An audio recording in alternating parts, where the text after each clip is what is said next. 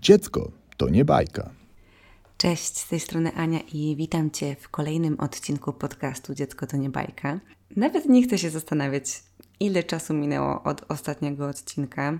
Pewnie parę miesięcy i muszę powiedzieć, że ja naprawdę bardzo, ale to bardzo chciałam nagrać kolejne odcinki, ale po pierwsze, Potrzebowałam trochę czasu, aby zdystansować się do paru spraw, o których będę chciała powiedzieć w tym odcinku bądź w kolejnym, jeśli uda mi się go nagrać, bo wiecie, naprawdę, i to jest ta druga rzecz, jest mi bardzo ciężko nagrywać teraz odcinki, bo w ciągu dnia pracuję, później odbieram kajkę, więc druga praca, a później zdarza się tak, że jest gil, choroba, ból zęba, i po prostu nie ma tego wieczoru, tego upragnionego wieczoru, kiedy można sobie zasiąść na kanapie albo przed komputerem i wyciągnąć mikrofon i nagrać coś ciekawego. Po prostu padam na ryj i taka jest prawda.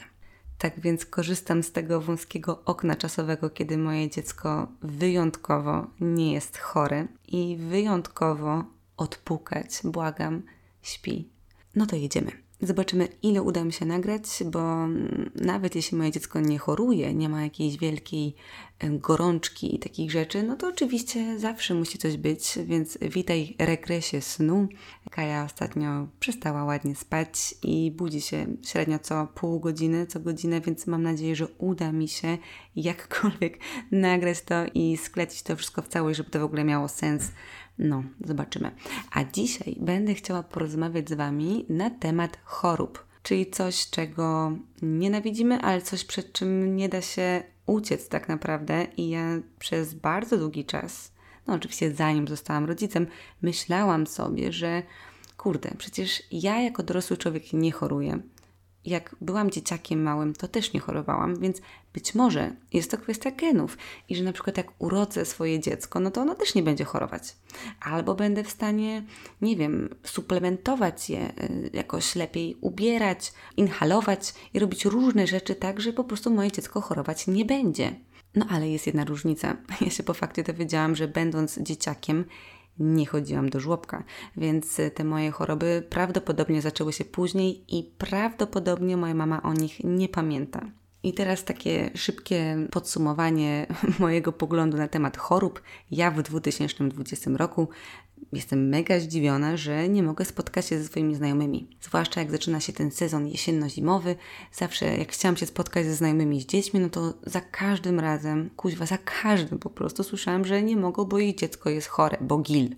I to magiczne hasło GIL zawsze zamykało temat do dalszych rozmów, że nie, nie dało rady się spotkać i ja się dziwiłam. Dlaczego? Przecież do tego GIL. No i później jestem ja we wrześniu 2022 ciesząca się, że Kaja chodzi do żłobka, że adaptacja przyszła świetnie, że jakby odpukać nie choruje, cały czas chodzi do tego żłobka, wiecie, trzy tygodnie pod rząd, a moje dziecko jest w żłobku i nic się złego z nim nie dzieje. No ale przychodzi grudzień 2022 i wtedy zaczynam przeklinać życie. I wtedy zaczynam rozumieć, jak bardzo irytujące jest to, że Twoje dziecko chodzi do żłobka przez dwa dni i potem przez dwa tygodnie choruje. Ja nie wierzyłam w to. Ja serio myślałam, że po prostu ludzie nie potrafią ubierać swoich dzieci, leczyć ich. Jak to się dzieje, że te dzieci chorują? Przecież we wrześniu moje dziecko łaziło do żłobka i było wszystko ok. Ja nie wiem, czy to jakaś kwestia zmutowanych wirusów, pandemii, tego, że wcześniej trzymaliśmy się w domu, jak był lockdown i nagle nasze organizmy nie ogarniają, jak tutaj się bronić przed y, na przykład grypą. No kurde, przecież ta grypa panowała wcześniej i nie było takiego pogromu jak teraz. Ja wierzyłam, że oszukam przeznaczenie że jakby te wszystkie wcześniejsze dolegliwości, które nas spotykały, kolki, refluksy, permanentne odparzenie tyłka, wiecie, dziecko nie sen, ADHD i wszystko, że to po prostu ja w zamian za to nie będę chorować, w sensie nie jaka ja. Wiecie, no nadzieja umiera ostatnia. Ale no niestety, grudzień zweryfikował, a w zasadzie to i listopad również zweryfikował. Od listopada Kaja coraz częściej zaczynała przychodzić z wspomnianym gilem, no a później przeradzonym w kaszel i różnego rodzaju zapalenia. I nagle mój powrót do pracy stał się troszkę trudniejszy, bo się okazywało, że muszę niestety zostać z Kają w domu. No to nie było proste. Nie było proste patrzeć na to, jak Kajka się męczy, no bo w ogóle, no jak dziecko choruje, to to jest 100 razy gorsze niż męski katar, bo nie wytłumaczysz, że, trzeba się inhalować, że trzeba przyjąć jakiś lek, dlaczego jest gorączka. To naprawdę jest oddzielny krąg piekielny, a najgorsze jest jeszcze w tym wszystkim to, że to dziecko zaraża. Zaraża nie tyle, że dzieci w żłobku, no bo to już dawno temu zrobiło, zresztą jeszcze do, do tego wrócę, do tego wątku, ale zaraża też nas, rodziców, więc chore dziecko plus chorzy rodzice równa się katastrofa. A zacznijmy od tego, dlaczego w ogóle nasze dzieci chorują, tak? Bo ja wynotowałam sobie parę takich momentów, sezonów, kiedy masz stuprocentową pewność, że Twoje dziecko zaraz będzie chore. Pierwszy sezon, kiedy wasze dziecko zachoruje, to jest zaplanowany wyjazd, jakieś wakacje. Na przykład, wiecie, zaplanowaliście sobie wakacje z miesięcznym wyprzedzeniem, bo jesteście wariatami i jakby uważacie, że z wyprzedzeniem to wszystko można sobie ogarnąć, ta dupa. Za każdym razem, kiedy planowaliśmy jakiś wyjazd, to dziwnym zbiegiem okoliczności tydzień wcześniej kajka musiała nam się rozłożyć. I naprawdę ja nie wiem, czy one to wyczuwają, czy, czy o co chodzi. Nawet rozmawiałam sobie właśnie z dziewczynami na Instagramie, jak to się dzieje i czy na przykład ludzie biorą wcześniej wolne w żłobku tydzień przed wyjazdem, żeby mieć stuprocentową pewność, że Wam się bąbel nie rozchoruje. I niektórzy tak robią, serio. Najlepsze jest to, że to nie jest kwestia, wiecie, tych takich sezonów jesienno-zimowych, ale dzieci chorują również i w wakacje. Naprawdę, w lipcu. Nie wiem, planujecie sobie wakacje, nie wiem, na Kretę wyjazd i kurde co? I dziecko chore. I dupa. Innym sezonem chorobowym są ważne dni w pracy albo święta. To jest, kurde, wiecie, murowana sprawa. Jak sobie coś zaplanujecie i macie, nie wiem, jakieś ważne wystąpienie albo jakieś takie spotkanie biznesowe, że takie, że musicie po prostu być, albo no właśnie święta. My co roku, święta wigilijne, to jesteśmy chorzy. Co roku i za każdym razem muszę odwoływać spotkanie rodzinne z dalszymi krewnymi, no bo po prostu nie da rady i też ja nie chcę zarażać innych, no bo jednak no już wiadomo, że my nie unikniemy tej, tego kontaktu z bobaską, no ale jednak staram się ograniczać rozprzestrzenianie się tego wirusa, więc jakby za każdym razem, jak są jakieś ważne momenty, to wasze dziecko zaczyna chorować. Innym sezonem na choroby jest moment, kiedy zaczynacie głośno rozmawiać, że wasze dziecko jest zdrowe. Albo że w ogóle wasze dziecko nie choruje, że wszystko jest git. I właśnie mnie taka klątwa spotkała, bo ja we wrześniu mówiąc, że o, żłobek jest taki super, Kaja się ekstra tam adaptuje. Gile? Jaki gile? Nie no, co wy? Przecież już trzy tygodnie chodzimy. I wtedy mnie pokarało, bo zaczęłam głośno mówić, że moje dziecko jest zdrowe i że ma super odporność. No i właśnie, życie zweryfikowało. No i jeszcze jest jedna rzecz, którą odkryłam niedawno, to chowanie sprzętów. Na przykład udało nam się po paru tygodniach wyjść z Kataru i z kaszlu i zaczęłam już chować odkurzacz, dla osób niewtajemniczonych odkurzacz to jest bardzo ważny przyrząd nie tylko do sprzątania, ale jeżeli macie specjalną taką nakładkę, to możecie skutecznie odgilować dziecko. I ja przez bardzo długi czas broniłam się w ogóle używać tego, bo myślałam sobie, że to jest jakieś dziwne, że w ogóle fuj, że, że nie wiem, że mózg pewnie swojemu dziecku wyście ten odkurzacz i się tego bałam. Korzystałam z takiego urządzenia, co trzeba własnymi ustami, tak wiecie, zaciągać te gile, tak wsysać, nie? I to urządzenie jest fajne, bo można ze sobą zabrać na przykład na wyjazd i nam się bardzo przydawało na wyjeździe, ale ma podstawowy minus, że niestety te gąbeczki w rurce nie do końca dobrze chronią Ciebie przed zarażeniem i my niestety właśnie korzystając z metody takiego odsysania gili, no się zaraziliśmy. No a jakoś te gile trzeba, trzeba się ich jakoś pozbyć, tak? No dziecko nie wysmarczy Ci nosa, więc no którąś z tych rzeczy trzeba wybrać. Ja zachęcam Was tych urządzeń podpinanych do odkurzaczy, ale też trzeba z tym uważać, żeby tam się za dużo wody do odkurzacza nie dostało, bo wtedy z kolei odkurzacz jest zepsuty. Wiecie, no to są naprawdę trudne decyzje. To nie jest takie proste. Ja nie mówiłam, że to będzie proste. No i generalnie za każdym razem, kiedy schowam ten odkurzacz, bo on zazwyczaj ostatnio jest po prostu u nas wystawiony jak wazon. Jest ekspozycja w naszym mieszkaniu, można go obejrzeć, fantastyczny model. To jak go chowam, to za każdym razem po prostu dwa dni i dziecko już wraca z gilem. Albo jak schowam inhalator, albo syropek jakiś, czy tam, nie sól fizjologiczna, nebut, coś, wiecie. W pewnym momencie to już człowiek ogarnia te leki i dawki na pamięć, już nawet nie trzeba do lekarzy chodzić. No generalnie zaczynacie sprzątać i myślicie, że już, że wychodzicie na prostą, no to nie. To gil wraca i cała infekcja również, więc taka rada dla Was, po prostu tego nie chowajcie. No a już tak nie śmiejąc się, no to wiadomo, że sezon girowy zaczyna się, kiedy robi się po prostu zimniej, czyli no nie wiem, jesień, zima, ostatnio i wiosna, chociaż jak e, oglądam sobie różnych pediatrów na Instagramie, no to ponoć ten sezon się wydłuża i właśnie jest to też związane z tym, że jak była pandemia, okres pandemii, był hard lockdown i wszyscy siedzieliśmy sobie w domu, no to ciężko nam było jakby motywować nasz system odpornościowy do walki z różnymi wirusami, no bo siedzieliśmy sobie bezpiecznie u nas w domu, tak? Więc nasz system również sobie leżał na kanapie i odpoczywał.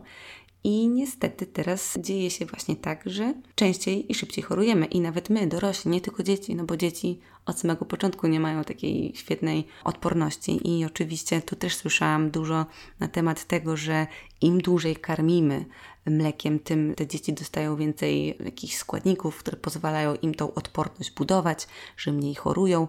Ja to rozumiem, ale dzieci i tak, i tak będą musiały tą odporność jakoś sobie zbudować. A jak się ją buduje? No niestety, chorując. I żadne szczepienie niestety nam nie pomoże. Chociaż zachęcam do szczepionek. E, ja oczywiście aplikuję wszystkie szczepienia. Już pewnie w którymś podcaście to mówiłam, że jestem freakiem, jeśli chodzi o to. Uważam, że jeśli mogę ochronić Kaję przed e, jakąś chorobą, która jest niebezpieczna, no to oczywiście to robię. I teraz Nagroda Nobla dla tego, który powie, jak zbudować tą odporność, tak, żeby dziecko nie chorowało.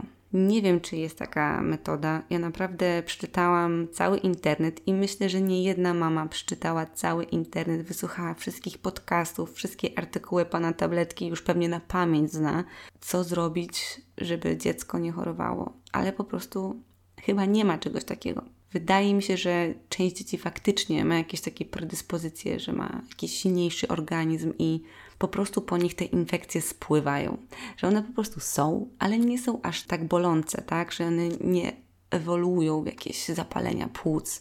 Dzieci nie lądują w szpitalach, nie mają zapalenia uszu, bo to są takie, wiecie, rzeczy najbardziej popularne. I ja na szczęście odpukać nie miałam jeszcze doświadczenia z taką bardzo, bardzo głęboką chorobą, właśnie zapalenia płuc chociażby, czy nie wiem, ospą, czy bostonką, bo naprawdę y, słyszałam, że to są rzeczy które mocno, mocno zamykają Was i Wasze dzieci w domach, czasem w szpitalach niestety. U nas najpoważniejsza sytuacja to było zapalenie oskrzeli z podejrzeniem o RSV, ale na szczęście udało się to jakoś w miarę szybko zwalczyć.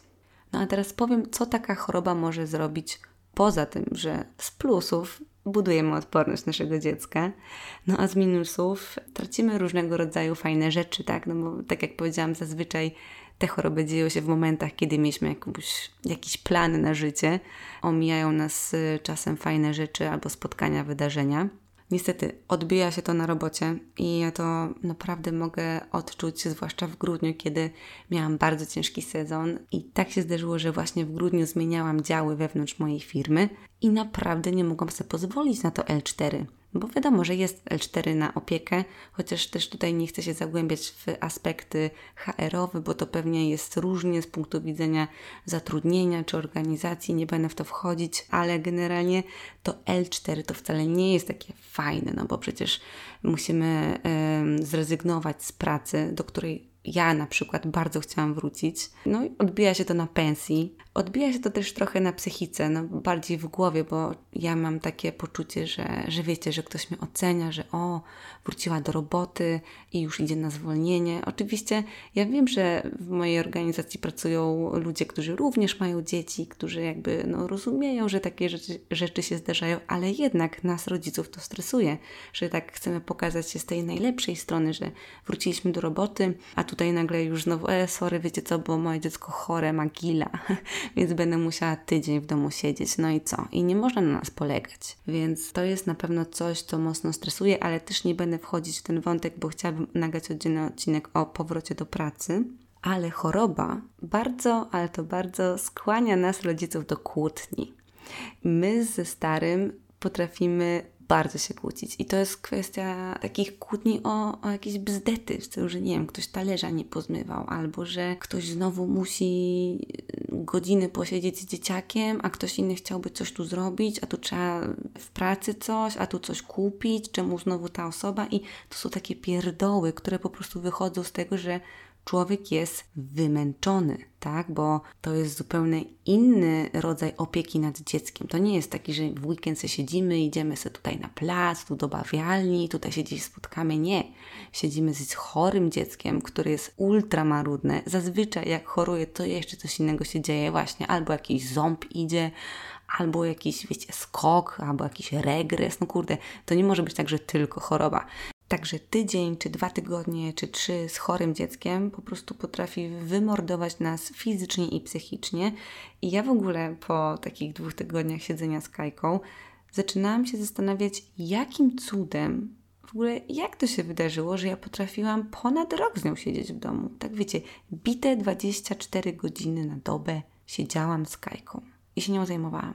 A teraz mam problem przez dwa tygodnie się nią zająć. Bo teraz jest tak, że jest y, wieczór i jest godzina 16 i my tylko tak patrzymy na ten zegarek, czy to już jest ten czas, o dobra, jeszcze 2-3 godziny pójdę spać, dobra. Potem mija, mijają 3 godziny, patrzymy na zegarek, jest 16.15. Jak to się wydarzyło? 3 godziny minęło, a 15 minut minęło.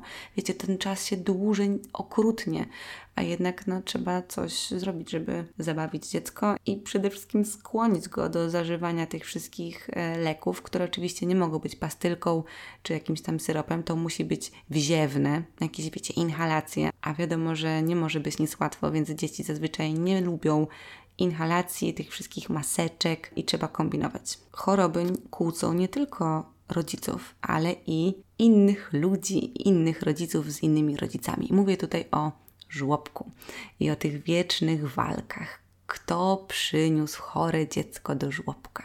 I teraz nasze dzieci chorują i jak to jest, co za okropni ludzie. To są takie, wiecie, wojny, o których też wcześniej mówiłam. Moje stanowisko pewnie znacie. Ja oczywiście je powtórzę, że ja jestem z tych bardziej liberalnych osób, bo sama widzę, jak to jest, y, gdy Kaja ma gila, który jest na przykład spowodowany tym, że ząbkuje. Mamy bardzo hardkorowe ząbkowanie połączone z gorączką zawsze, więc byłoby mi ciężko nie posyłać jej do żłobka bez gila, bo chyba by wtedy w ogóle nie chodziła po prostu. Ten gil się pojawia bardzo często, niestety. No i przy którejś infekcji zapytałam dziewczyny na Instagramie, które mieszkają gdzieś poza Polską. Zapytałam, czy ich dzieci też tak chorują, bo być może to jest kwestia naszego klimatu, nie wiem, wiecie, powietrza, że jest złe powietrze i że jest za zimno, że ta pogoda jest taka ni to ciepło, ni to zimno, że rano jest y, 3 stopnie, potem 15, a potem 2 na przykład, tak? I że te dzieci po prostu wariują, nie wiedzą już do jakiej temperatury mają się przyzwyczaić. Albo inna sytuacja, że przegrzewamy dzieci, no bo akurat to jest częste w Polsce. Ja to też często widzę na ulicach i też u siebie w żłobku, że dzieci naprawdę mają takie kombinezony ortalionowe, wiecie, takie nastoki narciarskie prawie, że, a jest 10 stopni. O, dziecko mi się obudziło. Powiem Wam, że odpowiedź mnie zdziwiła, bo myślałam, że jak ktoś sobie żyje nad Morzem Śródziemnomorskim, albo nie wiem, w jakiejś kurde Azji, gdzie jest zawsze ciepło, to te dzieci nie chorują. A to nie jest prawda, niestety, ale wszędzie dzieci chorują. Być może trochę rzadziej, jak jest cieplej, ale jednak chorują bo po prostu tak jest I, i to jest taka kolej rzeczy. Przeznaczenia nie oszukamy. One się muszą wychorować i im szybciej, tym lepiej. Ja przynajmniej tak sobie wychodzę z takiego założenia, że wolę już teraz i liczyć, że może nie będzie chorować w przedszkolu albo w szkole. No nie wiem, kiedyś musi przestać chorować. Liczę, że kiedyś zbudujemy tę odporność. No a właśnie, jak budować tę odporność? Albo co zrobić, żeby tych infekcji było jak najmniej? No i oczywiście masa rad z internetu, Zebrałam je sobie, pomyślałam, że może chcecie posłuchać, co można jeszcze zrobić, żeby nasze dziecko nie chorowało. Przede wszystkim warto jest zadbać o wietrzenie domu. Ja często o tym zapominam. Muszę się przyznać, że po prostu nie pamiętam, żeby wietrzyć, albo jak już otwieram okna, to zapominam je zamknąć, więc y, robi się wtedy tak, że jest bardzo zimno, jestem przerażona, że Boże, w moim domu jest lodówka. Ale też prawda jest taka, że my często przegrzewamy te nasze domy. I ja pamiętam, że jak jeszcze nie miałam dzieci i chodziłam do znajomych z dziećmi, to zawsze czułam taki szok temperaturowy, jak się wchodziło do ich mieszkań, że one były tak na maksa wygrzane i na maksa czuć było, że to jest jakieś mieszkanie rodzinki z dzieckiem, no bo właśnie było takie przekonanie, że musi być ciepło, bo małe dzieci to się zaraz przeziębią. A właśnie chodzi o to, żeby troszkę ich e, system e, odpornościowy hartować, żeby one tak jednak e, nie były w takim pomieszczeniu, wiecie, 23 stopnie. No ponoć najlepszy to jest taki 19-20. Trzeba też zadbać o odpowiednią jakość powietrza. I na przykład, jak mieszkamy w jakimś y, dużym mieście, czyli ja, na przykład jak u mnie Warszawa, i widzimy, że jest jakiś alarm smogowy, albo że to, to powietrze jest po prostu zanieczyszczone, no to dobrze jest mieć oczyszczacz powietrza poza oczyszczaczem trzeba mieć też nawilżacz, słuchajcie. Naprawdę tych gadżetów to się robi po prostu ogrom. No i się okazuje, że nawilżacz powietrza jest też potrzebny, no bo przez to, że grzejemy, to jest bardzo sucho, to wysusza śluzówkę i tam wpływa na milion różnych rzeczy. No generalnie oczyszczacz, nawilżacz, wietrzenie i dbanie o to, aby w naszym domu było takie czyste powietrze i nie było za gorąco jest istotne. Można też się suplementować. I też dostawałam dużo takich porad związanych z tym, co łykać, co przyjmować. No ja na przykład y, od dłuższego czasu dawałam Kai olej z czarnuszki, jakieś, nie wiem, pół łyżeczki powiedzmy z jakimś takim syropem malinowym, żeby to w ogóle było pijalne, bo sam olej z czarnuszki smakuje jak benzyna i nie wiem, jak jakieś dziecko to pije, to naprawdę gratuluję, bo ja sama jako dorosła nie jestem w stanie tego przełknąć, po prostu jest okropne. I powiem Wam, że miałam olbrzymie nadzieje związane z tym, że ten olej z czarnuszki mi pomoże, że właśnie to dziecko nie będzie chorować. No ale niestety choruje, chociaż też y, zwróciła mi uwagę jedna y, z dziewczyn, że olej z czarnuszki nie zbuduje nam tej odporności, ale jednak może sprawić, że nasz organizm będzie szybciej się regenerować. I widzę to po kajce, że ona faktycznie nie choruje tygodniami, tylko jest to zazwyczaj 7 dni i jesteśmy w stanie już wrócić do żywych. Można się suplementować poprzez podawanie flory bakteryjnej. Wiem, że moi znajomi to robią. Albo jakichś specjalnych zakwasów, nie wiem, z buraka czy z czegoś można przyjmować tran. Ja na przykład myślałam, że tran przyjmuje się jak już jest takim starszym dzieciakiem, że właśnie takie małe bobasy to nie, nie do końca, ale znalazłam e, tran, który jest chyba tam od czwartego czy od piątego miesiąca. Oczywiście nie zachęcam Was i znowu, może powinnam tutaj w ogóle na samym początku powiedzieć taką dużą gwiazdkę, że nie jestem lekarzem, przypominam, więc trzeba wszystko zweryfikować, skonsultować z pediatrą przed użyciem, zapoznać się z treścią ulotki i skonsultuj ją z lekarzem, gdyż każdy lek niewłaściwie używany zagraża życiu lub zdrowiu. No więc ja w ogóle ten tran zaczynam teraz testować bo jest tam też w nim witamina D, te wszystkie kwasy omega. Kaja nie zawsze jest chętna do jedzenia ryb, więc wydaje mi się, że on może trochę pomóc. No ale nic, zobaczymy. Taka regularna suplementacja ponoć może coś zdziałać. Warto jest uczyć y, nasze dzieci higieny i zasad już od samego początku. Na przykład, że trzeba myć ręce po każdym spacerze albo po każdym jedzeniu, wiadomo, czy po każdej wizycie w toalecie na przykład. Albo też trzeba pokazać, jak odpowiednio kichać. Nie, że w rękę, tylko w łokieć. Jak będziemy dawać takie dobre wzorce i pokazywać im, jak uciec przed tymi bakteriami i zarazkami, no to myślę, że to też jest jakiś krok w stronę mniejszej częstotliwości zachorowań w naszym domu. Jak się można bronić, to izolacja.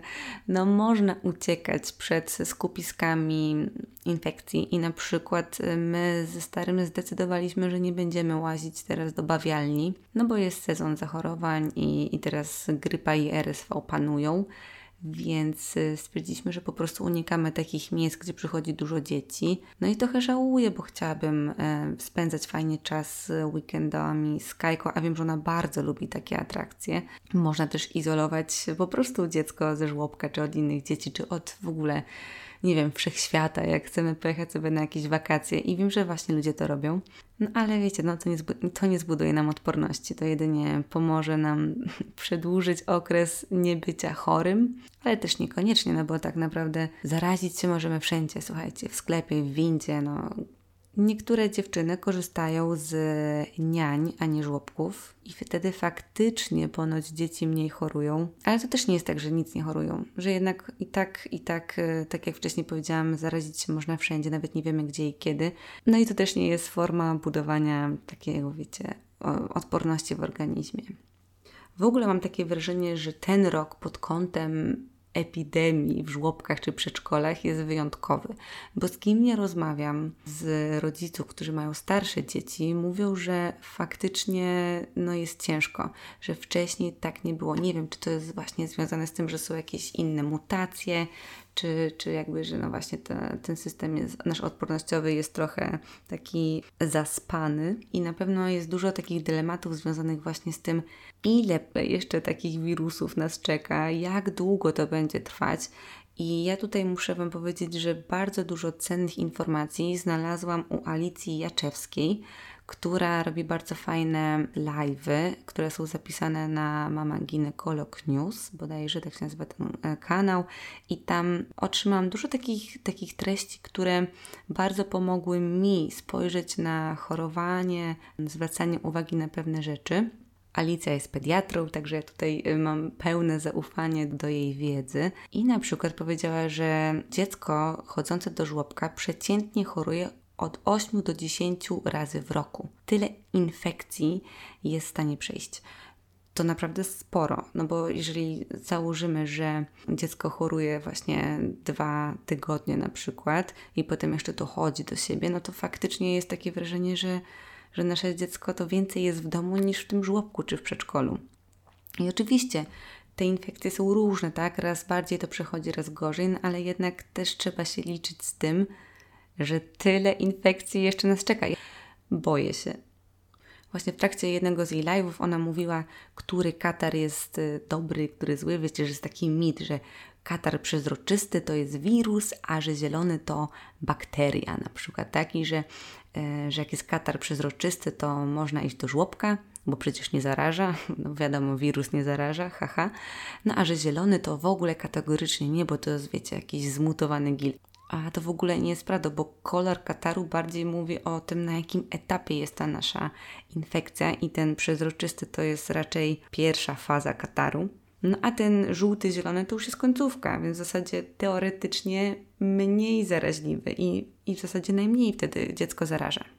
Teraz rzecz najgorsza, najbardziej smutna, taka co sprawia, że czuję niemoc odnośnie infekcji wirusowych ich zakaźność zaczyna się zanim pacjent ma objawy. To sprawia, że nasze dzieci non-stop chorują i nawet jeżeli widzimy, że nasze dziecko ma katar, kaszel, no oczywiście nie daj Bóg gorączka i inne rzeczy i zatrzymamy go u siebie w domu, żeby właśnie nie zarażać innych dzieci, to niestety prawdą jest, że ono już dawno zaraziło inne dzieci, nawet nie wiedząc o tym. I ja wiem, że ta decyzja o tym, czy wysłać dziecko do żłobka, czy nie jest ciężka, no ale tutaj podpowiedzi od Alicji są takie, żeby patrzeć na to, jakie jest samopoczucie naszych dzieci. Czy mają apetyt, czy mm, właśnie chcą iść do tego żłobka. No oczywiście, czy nie mają gorączki, no bo jak jest gorączka, no to nigdy nie można wysłać dziecka do żłobka, no bo wiadomo, że wtedy coś y, złego się dzieje. No i niestety, jeśli jest czasem ten kaszel czy gil, a dziecko jest pełne radości i roznosi dom, no to nie ma sensu trzymać go w domu. Ja tu oczywiście nie będę mówić o wszystkich chorobach, kiedy zostawić w domu, kiedy można puścić do żłobka. Bardzo zachęcam Was do odsłuchania tej wyróżnionej relacji. Ona się chyba nazywa Przedszkole. Tam naprawdę dużo fajnych, ciekawych rzeczy. Ale powiem Wam o dwóch chorobach, które mnie bardzo zdziwiły i na przykład nie miałam pojęcia, że mogą być tak groźne i uważam, że warto to przekazać dalej.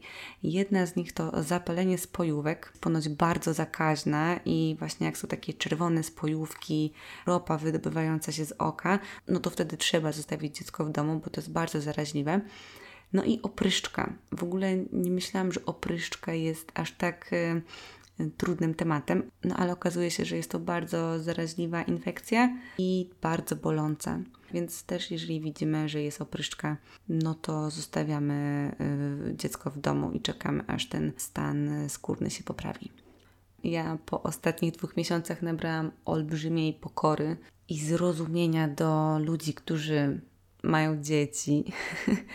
Wiecie, ja już tej pokory nabieram od półtora roku, ale choroba zdecydowanie pokazała mi, jak ciężko jest godzić różnego rodzaju obowiązki, no zwłaszcza pracę i szczerze dziękuję za to, że mamy teraz takie czasy, że możemy sobie pozwolić na home office, chociaż praca z chorym dzieckiem jest naprawdę trudna, ale jednak y, jesteśmy w stanie jakkolwiek pogodzić te nasze obowiązki.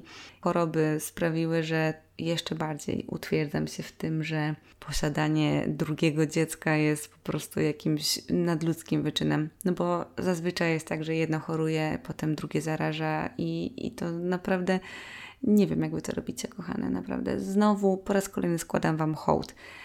Teraz, co tu zrobić, żeby to jakoś mądrze skończyć? No, chciałabym Wam życzyć dużo zdrowia, w nowym roku, bo w zasadzie to jest pierwszy odcinek w tym roku, więc życzę Wam dużo zdrowia.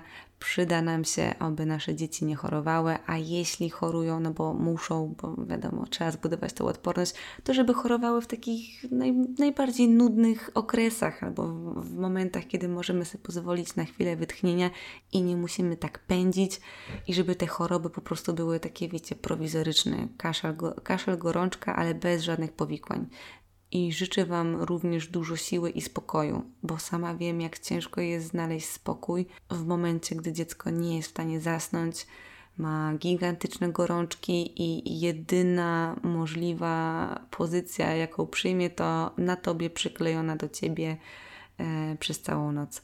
Także mam nadzieję, że, że tego unikniemy i będzie jak najmniej takich sytuacji. Ściskam Was mocno i do usłyszenia w kolejnym odcinku podcastu Dziecko to nie bajka. Bye.